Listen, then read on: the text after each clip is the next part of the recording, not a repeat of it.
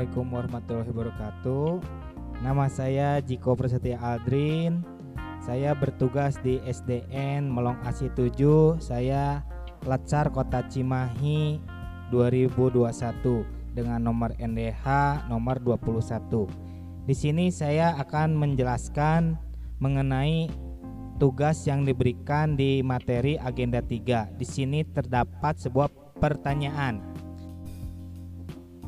Sebuah pernyataan dengan pernyataan jelaskan pendapat saudara tentang penyelenggaraan pelayanan publik atau sipil di instansi saudara. Untuk penyelenggaraan pelayanan publik di unit kerja yang saya tempati, tepatnya di SDN Melongasi 7, sudah melakukan pelayanan publik secara maksimal dan optimal. Di unit kerja kami memiliki guru yang sudah bersertifikat pendidik dan untuk jumlah siswa Rata-rata tiap kelas berjumlah 28 orang dengan satu orang guru di tiap kelasnya.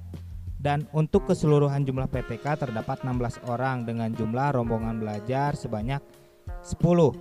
Dalam hal ini, guru-guru melayani para siswa dan orang tua siswa sebagai pusat informasi dan juga fasilitator dalam pelayanan pendidikan baik secara luring maupun daring dikarenakan keadaan sedang dalam wabah COVID-19. Dan untuk pernyataan kedua yaitu jelaskan penerapan konsep WOG pada instansi saudara saat ini. Untuk penerapan konsep WOG sendiri, alhamdulillah sudah sangat baik di mana pusat informasi yang diberikan langsung dari Dinas Pendidikan, tidak melalui koordinator wilayah masing-masing dan menggunakan pemanfaatan sistem teknologi dan informasi yang selalu diberikan oleh Dinas Pendidikan Kota Cimahi melalui Zoom Hal ini merupakan sebuah hal yang sangat baik.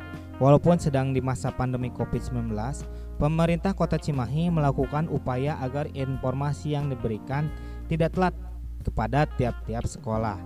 Dan selanjutnya yaitu jelaskan pendapat saudara tentang penerapan sistem merit di instansi saudara saat ini.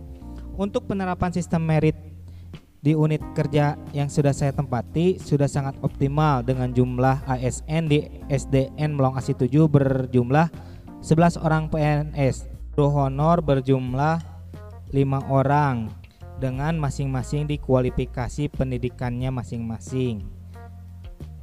Dan untuk gaji guru honor sudah disesuaikan dengan kebijakan wali kota Cimahi dengan nominal yang cukup tinggi dalam hal ini juga para guru selalu diikut sertakan mengikuti pelatihan-pelatihan bimbingan teknis yang diadakan oleh Dinas Pendidikan atau yang berkaitan dengan kemajuan kinerja seorang guru. Terima kasih hal ini yang bisa saya sampaikan. Assalamualaikum warahmatullahi wabarakatuh.